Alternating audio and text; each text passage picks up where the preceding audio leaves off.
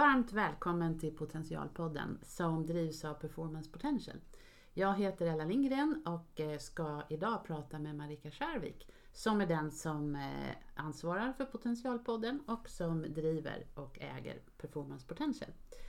Marika, du har ju lett verksamheter i mer än 30 år tillbaka i tiden och du har fått jättefina utmärkelser, bland annat Årets chef av tidningen Chef.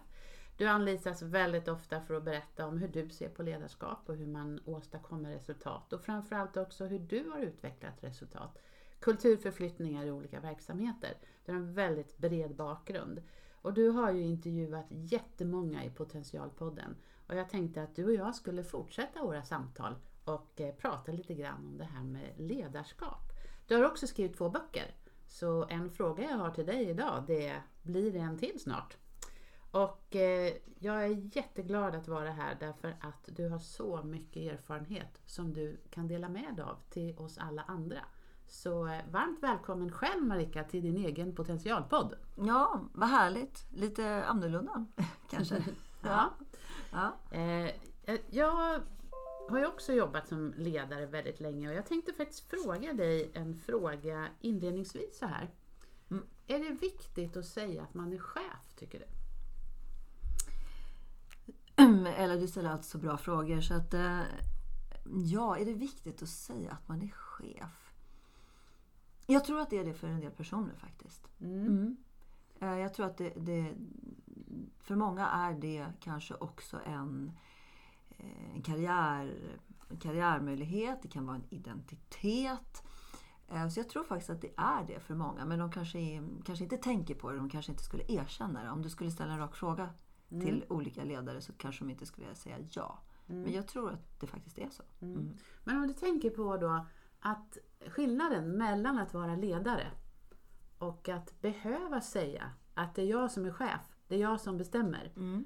Hur ser du på de två olika liksom, storheterna? Eh, alltså, det är ju som med det mesta att man, man lägger sina egna värderingar och sina egna ord i vad man menar och så. Ibland kan jag tycka att vi säger ledare, eh, vi pratar om att jag är ledare och så vidare. Ehm, för att på något sätt, det är lite fult att säga att jag är chef. Alltså det finns någon, någonting i det. Eh, så, så det kan också ibland vara en chimär, att man, man leker med ord. Eh, ledarskap, eller att vara ledare för mig, det är ju det, kan, det är ju ett slags förtroende tror jag som man får. Jag tror inte man kan utnämna sig själv till ledare. Mm. Eh, däremot så är man utnämnd till chef i, i, liksom i, i rollperspektivet och funktionsansvaret och sådär. Och det är väl kanske det någonstans som le, ledare eh, blir man därför att andra ser en som en ledare. Chef är man tilldelad mer eh, formellt, så skulle jag säga. Aha. Hur ser du på en chef då som... Eh, vad, vad, hur tänker du om, om du skulle höra en chef ganska ofta till sin ledningsgrupp till exempel säga Det är jag som är chef, det är jag som bestämmer. Ni ska göra som jag säger. Ja, alltså ibland behöver man faktiskt göra det mm. i vissa situationer. Eh, men då tycker jag då har det gått lite långt. Jag, jag, har behövt göra det i min karriär en eller två gånger max mm. under alla, alla år. Under alla de 30 år som jag har hållit på med, med, med att leda verksamheter. Eh, men då tycker jag att då har det gått ganska långt. Mm. Och det är kanske också ett uttryck för eh, desperation, ska jag inte säga, men att man kanske har förlorat kontrollen. Eller att man är osäker, att man, att man måste på något sätt sätta ner foten. Att, att man inte kan komma dit man vill tillsammans på andra vägar. Men det är klart att det finns situationer i förändringsprocesser kanske, när folk obstruerar, det är svårigheter och sådär då kan det ibland behövas säga det. Men, men jag har bara behövt göra det en enda gång. Um, jag kan tycka att det kan vara en svaghet kanske att behöva säga det. Man kanske behöver fundera på varför man behöver säga det om man, om man gör det ofta. Mm.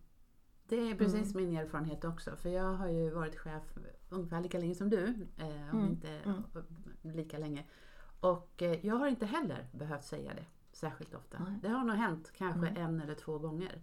Och jag tror precis som du, att när man behöver markera det ofta, i sitt vardagliga ledarskapsarbete, då är det någonting annat som eh, kanske behöver tittas på. Eh, mm. En osäkerhet också. Jag kan tänka om man är ny ehm, så kanske man inte vet bättre. Mm. Ehm, och det är många människor som har varit så att säga, chefer över saker och ting. Man kan ju vara chef över, över en funktion eller en, ett projekt eller så. Men kanske inte har eh, lett människor. Mm. Och där är det, ju, det är en stor, stor skillnad. Vad har du för råd då, då, tänker jag, till en person som kanske känner igen sig att den använder jag vara chef va? lite för ofta. Ja. Eh, hur skulle du vilja ge ett råd till den personen? Så att den kan om ett antal år säga precis som du och jag säger, vi har inte behövt använda det. Men jag är, jag är lite grann inne på det här att eh, man ska jobba med att leda andra människor. Klassikern är att kan man inte leda sig själv så kan man inte leda andra. Och leda sig själv är ju ett livsprojekt och inte så himla enkelt liksom. Så att det blir för komplicerat tror jag och, och liksom att börja i den änden. Men jag tänker att om man betraktar sitt eget beteende lite mer. Så att, säga. Att, att ett, ett lärande är ju att betrakta sig själv. Eller att ha någon annan som hjälper en att betrakta en. Alltså någon mentor eller coach eller vad det kan vara. En, en, en person som man kan bolla med. Som kan ge det perspektivet. Men då måste man ju först inse att man säger de här sakerna då. Eh, eh, och, och, och det kanske man inte gör för att man hinner inte eller man är stressad eller man är uppe i någonting. Men den där klassiken att man en dag i veckan eller en dag i månaden sätter sig ner och tänker vad är det jag har gjort sista tiden? Jag är mycket inne för det här att fundera på vad jag håller på med. Vad är det jag gjort? Vad har jag åstadkommit? Hur har jag gjort? Eh, vad är det jag gör på det där mötet? Säg att vi har ledningsgruppsmöten en gång i månaden till exempel. Eh, vad är det jag gör på det här mötet? Egentligen. Alltså, försöker fundera på min egen dialog och kommunikation och vad det är. Och då om jag upptäcker vissa saker som jag, som jag inser kanske inte är så eh, effektiva. Då behöver jag ju fundera på varför jag har ett behov att säga det här. Och komma bakom det behovet. Är jag rädd? Är jag trött? Har jag människor som eh, jag tycker är dumma i huvudet? Eh, Så kan det faktiskt vara att man, man gör. Eh, eh, eller är jag pressad så att jag, jag, har liksom, jag har inte tid att göra det här som, som är mellanlagret och så. Varför gör jag det här? Men om du inte är medveten, om du inte stannar upp så att säga, då går det inte att göra det här. Mm. Så det kräver ju, tror jag, ett intresse, ett engagemang, en kunskap, en förståelse eh, att det behöver göras något. Och då kan man ju säga att ett väldigt konkret råd, oavsett, det är ju att oavsett vad jag kommer med så kanske alla borde skaffa sig en, en eh, så säga, wing, wingman eller wingwoman som, som sitter på axeln då. Alltså, men det är en fysisk person som inte sitter fysiskt på axeln. Men för att säga så här, okej, eh, så här jobbar jag, så här gör jag. Och som kan kanske intervjua en i, i, eh, för att få fram. Så att man själv eh, får, ser hur man gör.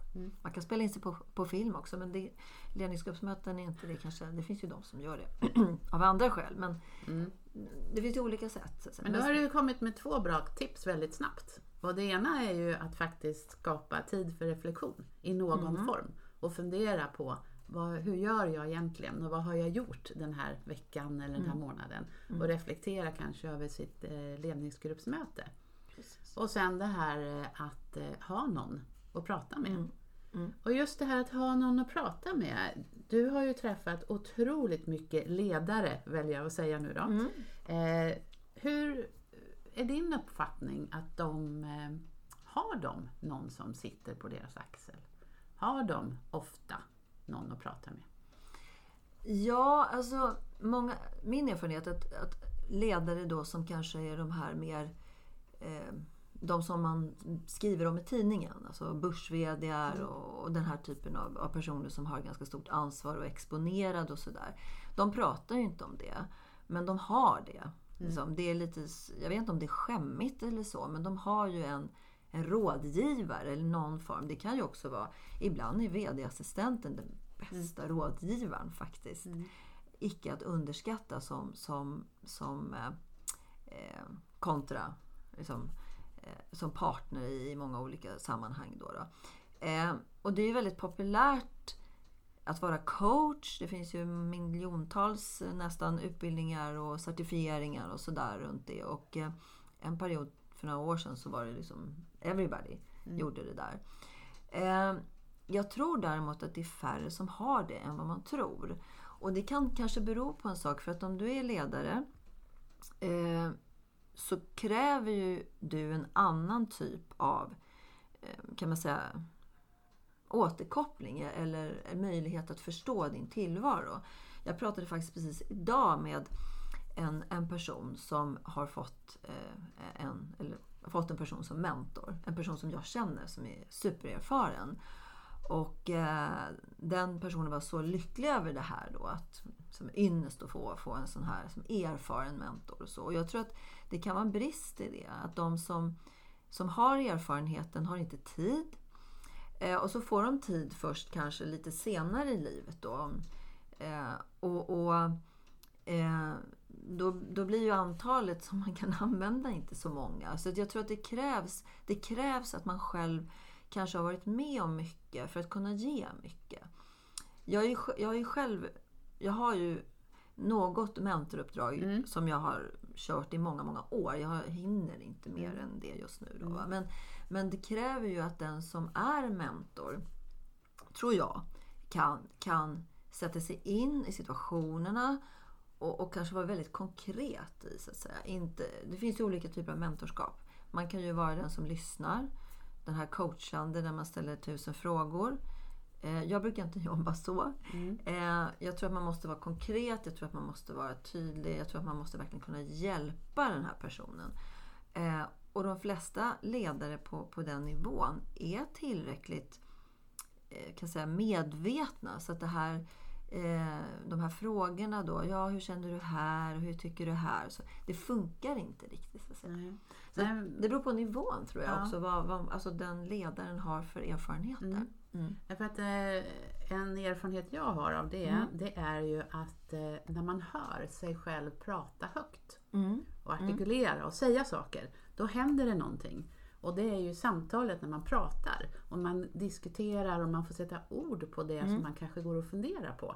Som det händer mycket saker. Ja, det är absolut. det som är min erfarenhet och många kanske inte har gjort det. Så en sån där sak det är ju prata. Ja, det För att se vad som händer. Ja. Mm. Jo, oftast är det så att när man pratar så, och verbaliserar sina tankar, det är då man kommer på mm. de här sakerna. Mm. Mm. mm. Eller hur? Mm. Precis, och då tänkte jag fråga dig så här. Eh, du har ju eh, intervjuat jättemånga människor. Eh, du delar ju med dig av väldigt mycket kunskap i de här samtalen som du haft i podden och i andra intervjuer som du har, eh, era nyhetsbrev inte minst. Finns det någonting som du känner att det finns någon sån här gemensam nämnare med alla du har pratat med? Eller någonting som har slagit dig genom åren? Ja, vi har ju, vi har ju gjort så eh, faktiskt medvetet i podden att vi, vi har intervjuat VD. Varför har vi gjort det? Jo, för att VD har en ganska speciell roll. Och jag tror att har man inte varit det ehm, eller är det, så, så, så eh, kanske man inte riktigt förstår eh, dimensionen av det. Det är ju också ett juridiskt ansvar och, och man har egentligen ganska få eh, rättigheter jämfört med andra om vi pratar anställningsformer och sådana här saker. Så vi har ju valt VD till att börja med och sen också personer faktiskt som är ganska bra på självreflektion och eh, på, på att vara medveten och jobba med de här olika frågorna.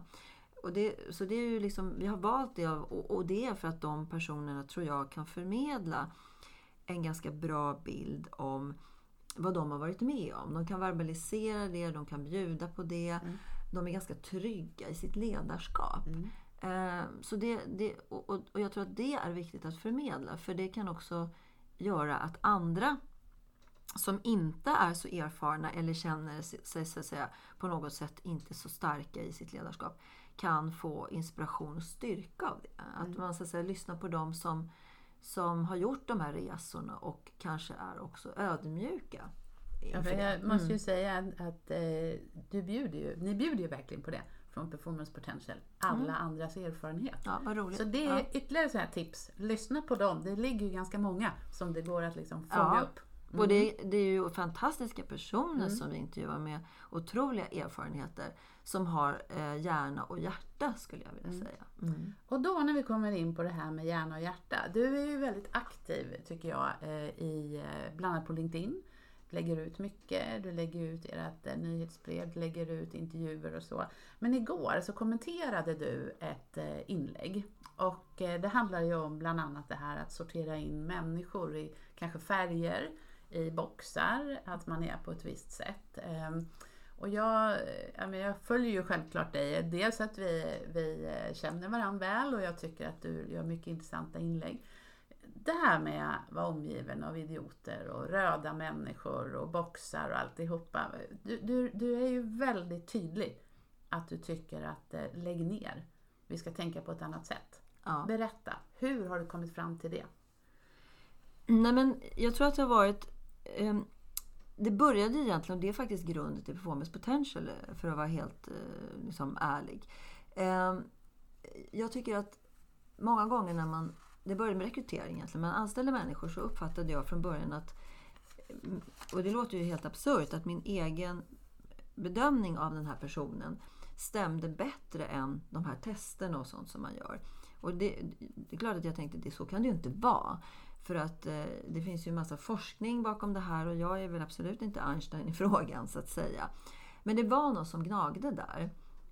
Och det var då jag började fundera på det här med vad vi gör. Och det vi gör är ju egentligen det som skapar våra, våra ja, framgångar och möjligtvis motgångar då. Eh, kopplat lite grann till det här vi pratade om reflektion, att förstå vad man gör. Om man säger att jag, jag är chef 14 gånger i ett möte så kanske man inte är medveten om vad man gör, tänker jag. Eh, och, och, då upptäckte jag liksom att, och jag har inte tänkt på det, men, men, men vi bedömer ju varandra. Vi jämför, vi har prestationsångest. Och då är det så farligt tycker jag att vi, när vi börjar definiera människor på ett ganska grunt sätt. Eh, för det gör en sak. Vi behöver inte, eller vi sätter oss själva i en situation där vi inte kommer liksom närmare den här individens dynamik. Eh, du har ju själv gjort sådana här tester, eller hur? Ja, massor. Eller, jag har gjort alla tror jag. Och är man, ju mer dynamisk man är, desto mer eh, får man kritik. Mm. Att man är oklar och otydlig och identitetsförvirrad. Det finns massa kritik sådär. Va? Och så är det ju inte. Eh, och ju mer dynamisk man är, desto svårare är det att definiera en person. Eh, och då blir det fel tycker man. Nej, det här hänger inte ihop. Medan jag menar att det är dynamiken som är intressant. Och dynamiken mördar man, om jag får använda det mm. uttrycket, när man säger ja men du är så här. Vem vill att någon annan berättar för dig eller mig hur du är? Eh, däremot kan vi prata om vad vi gör. Så jag tycker att det, det är farligt för att då vi letar så att säga inte efter helheten. Vi letar inte efter potentialen. Och på det sättet så minimerar vi faktiskt människors förmågor. Vi begränsar det. Vi, vi dödar också en potential hos individer. Och det är ju förbannat allvarligt om jag får mm. uttrycka mig så. Mm. För det är potentialen i individerna. Det är ju ändå så att det är människor som levererar de flesta, flesta resultat ja. idag. Är, mm. sen pratar vi AI, men det, är ändå, det ska ju mm. finnas någon intelligens i, i det. Eh, och, och, om vi gör det så säger det sig självt att om vi tittar i en dimension då förlorar vi en massa dimensioner. Och det betyder ju att vi kommer inte kunna utveckla våra företag, eh, våra verksamheter, våra kunder kommer kanske inte få de bästa tjänsterna och produkterna. Vi avstannar på olika sätt. Och det går ju ganska bra, så då tycker man väl att kan det gå bättre då? Ja, det kan det göra. Mm. Eh, så där tycker jag det är allvarligt. Och att det också är ett sätt att eh, det är lite härskarteknik över det kan jag tycka. Ja, ja, du är ju sån så, så då behöver inte jag jag behöver inte engagera jag behöver inte bry mig. Jag behöver liksom inte tänka Jag håller helt med dig. Jag började på ett jobb eh, och så kom jag in på huvudkontoret och så på dörrarna Mm. så fanns det röda, blå, gula, gröna markeringar. Aj, aj. Och jag började fundera, är det någon som är borta eller någon som är på lunch eller vad står det här för? Ja, och det här är ja. länge sedan, det var innan liksom. Och sen var det någon som, nej men du, vi har ju gjort de här testerna så det där är en sån person och det där är en sån person. Jag var så här, men det här, så här kan vi ju inte ha det. och då fick jag faktiskt bort det, därför Ja. att jag hade ju inte varit med i det där. Eh, och igen, det man gjorde då, det var ju att man gav, skulle ge mig direkt en bild av vad är det här för människor? Mm. Innan jag hade sett vad de Ja. Mm. levererade och vad de gjorde. Och då, så jag är helt enig med dig. Och, då, och du pratar ju ofta om potentialer. Det heter ju performance potential och det heter potentialpodden och det är det här med potentialer. Em, vad är bästa sättet tror du att hitta de här potentialerna hos oss människor? Jag är med risk för att tjata lite då själv här. Men alltså, jag, jag, jag är övertygad och, vi, och jag har ju jobbat med just det här i tio år. Att om vi kan beskriva vad vi gör och hur vi gör saker så får vi tillgång till vår potential. Mm. För det är där någonstans det ligger. Och att då veta det och träna på det. Alltså bli bättre i det hela tiden. Det är, ja, that's, that's the thing. Mm, mm. Eh, faktiskt. Och det låter, ju, det, det låter ju enkelt. Det är inte så enkelt. Det kräver ganska mycket. Men vad är alternativet? Mm. Att eh, skrumpna ihop. att inte lyckas med det som, som jag kan lyckas med. Och hamna i situationer där jag kanske faktiskt blir utsorterad, bortdömd. Och eh, jag, jag har träffat många människor som känner att jag har så mycket att ge, men det är ingen som förstår. Mm. Ehm, och det är, ju, det är ju verkligen illa. Mm. Det är ju att gå bakåt i utvecklingen, tänker jag. Jag håller, jag håller helt med dig, för det här med potential är jätteviktigt. Och då kommer min nästa fundering. Vi har ju varit igenom en pandemi. Eh, alla har i princip jobbat hemma, som har kunnat jobba hemma, som har den typen av jobb. Ledare har suttit hemma och dirigerat sina medarbetare. Ja, jag, jag har gjort det. Jag Mm. sitter fortfarande ganska mycket hemma av lite olika skäl. Men vad tror du, i den digitala ledarvärlden, hur hit, eh, finns det någon risk att man inte ser vad människor och medarbetare gör? För att hitta de här potentialerna. Ja. ja, alltså det är klart att det är så. Det blir ju ännu... Alltså dialog är ju viktig och, och dialog kan man ju absolut ha eh, på digitalt. Men, men man tappar ju en dimension i den dialogen. Eh, och det pratar ju alla om. Ögon eller suckar eller vad det nu är. Liksom, allt det här då. Och jag kommer tillbaka till det igen då, för med risk för att bli lite tjatig. Det är att om du vet vad du gör, då är det ju lättare att föra den här dialogen faktiskt. Även digitalt.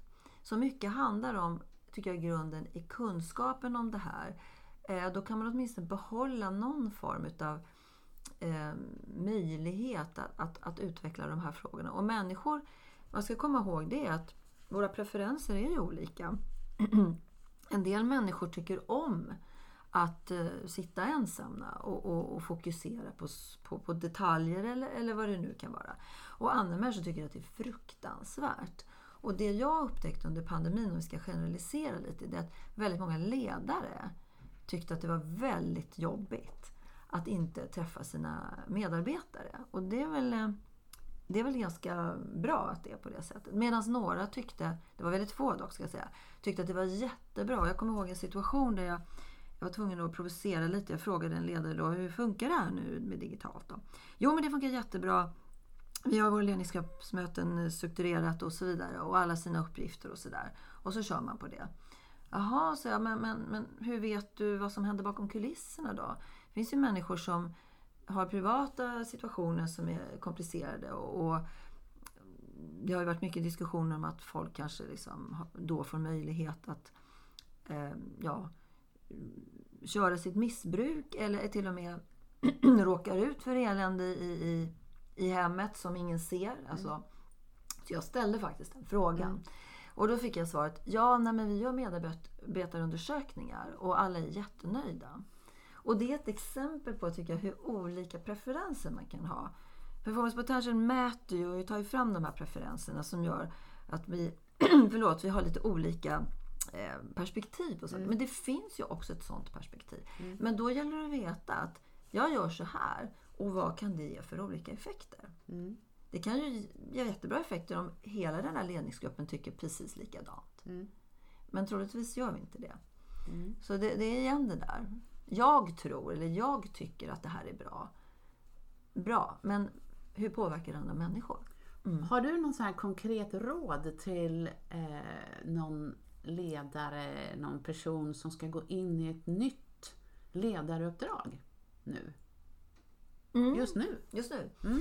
Jag tror att man alltid ska börja berätta eh, hur, man själv, eh, hur man själv ser på saker och ting. Vad som är viktigt för en, vad man värderar, eh, vad man blir förbannad över, eh, vad som liksom tar ens energi. Och kanske också berätta, hur ser min arbetsprocess ut? Hur brukar jag jobba? Vad är det jag eh, tycker är viktigt? Eh, hur strukturerar jag upp mitt sätt? Hur får jag min energi och så? Det, det, det måste man göra, för då lär människor också känna den här personen. Och sen förstås, hur mappar, vi, hur mappar ni in i det? Är det någonting av det här som blir helt fel för er? Jag vet inte varför folk inte gör det. Nej, för det har jag nog inte haft så där jättemånga, Nej. nu säger jag chefer, men så många chefer som faktiskt har gjort. Nej. Utan det har ju tagit ett tag innan man lär känna sin mm. chef. Mm. Det kan ta ganska lång tid. Mm. Eh, lite grann beroende på. Mm. Och nu när vi jobbar lite överallt mm. eh, så kan det ju ta ännu längre tid när man kommer in som ja. ny. Ja. Så det var ett väldigt bra konkret mm. råd. Kan, kan man upple- kan, tror du att en del kan upplevas som eh, svaga för att man skulle göra en sån sak? Nej, men det kräver ju att man känner sig själv för att kunna göra mm. det. Mm. Eh, faktiskt. Eh, så det är klart att det finns ju en... Det krävs en mognad eller erfarenhet. Då menar jag att man måste vara eh, så att säga, senior för det. Det mm. kan man vara när man är ung mm. också. Det handlar mer om, om tror jag, man kan vara en, um, kan säga, en, en mogen själ i en ung kropp. Kan mm. vara, och vice versa då. Mm. En ung själ i en gammal kropp. eh, så att, men jag tänker på det när du säger det. Jag har, jag har, jag har faktiskt gjort så. I alla fall försökt göra så mm. i, mina, i mina ledaruppdrag. Mm. Och många blir lite chockade och tänker, vad är det här? Eh, men, men, men det är också ett sätt att skapa förutsättningar för att få göra ett jobb på det sätt som man ledare eh, tror är bra. Och också ändra det som man upptäcker inte fungerar. Och då slipper man oftast en massa problem sen. Mm. Obstruktion eller, eller överdriven eh, säga, stjärnstatus eller vad det kan vara. Det blir, det blir liksom det blir på riktigt. Mm. Det blir genuint. Mm. Och jag tror att det är genuiniteten som som vi människor borde ägna oss åt istället för att försöka vara någonting som vi inte är. Jag tycker det, det, för mig är ju det också helt rätt. För mm. man pratar om det autentiska, pratar om det genuina och mm. så vill vi ju vara. Mm. Och det är ganska enkla tips och tricks om man ska mm. kalla det för det. Men också eh, saker som eh, du med din långa erfarenhet har eh, ja, arbetat fram. Mm. Eh, så, så det är inte så enkelt. Men om man tar del av det, det vi pratar om mm. så kan man i alla fall få med sig lite på vägen. Och då tänker jag så här också. Eh, du, du brinner ju för det här med potentialer och, och hitta potentialerna. Inte bara liksom varför gör du det? Eh, jag tror att det finns en stor anledning. Och det är faktiskt att när, när jag var 15 år så var min morfar eh, nära döden. Eh, han lever inte längre så att, eh, tyvärr. Så att vi får respekt i himlen tänker jag säga. Men han, han, jag var ensam med honom i sjuksalen. Eh, och han sa till mig, du ska veta en sak. Mitt liv har blivit fel, sa han. Mm. Jaha, tänkte jag 15 år. Mm.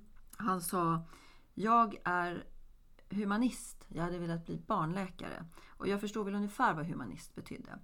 Men det blev jag inte. Jag blev ingenjör. Och sen är jag gift med en opassionerad kvinna. Eh, Jag vet inte om jag håller med honom om det. Och jag, jag tror att där, jag har tänkt mycket på det där, jag tror att där etableras här. Herregud, en människa har levt nästan hela sitt liv och livet är fel. Alltså, du har missbrukat din potential. Det ska jag aldrig, jag ska aldrig dö och låta det hända. Och sen har jag väl tänkt att jag ska inte låta andra dö heller. Och att det ska hända. Så jag tror att det, det kanske är därför jag har ägnat mig åt, åt ledarskap faktiskt. Med, med den, eh, någon slags devis runt det. Vilken fantastisk, eh, tycker jag, sentens som du har dragit. Och att du fick den av honom. Det var ju en väldigt bra sak du fick där. Absolut. Det var Och- förskräckligt egentligen. Ja, Men, men eh, som gav dig skjutsen in i potentialtänkandet. Mm. Så då tackar vi din morfar för det. det. Så stannar vi där för idag. Ja. Tack snälla Ella för att du pratar med mig.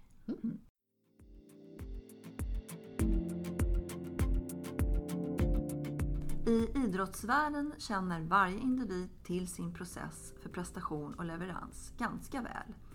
Men i näringsliv och organisationer är det ofta en otränad och kanske omedveten kunskap.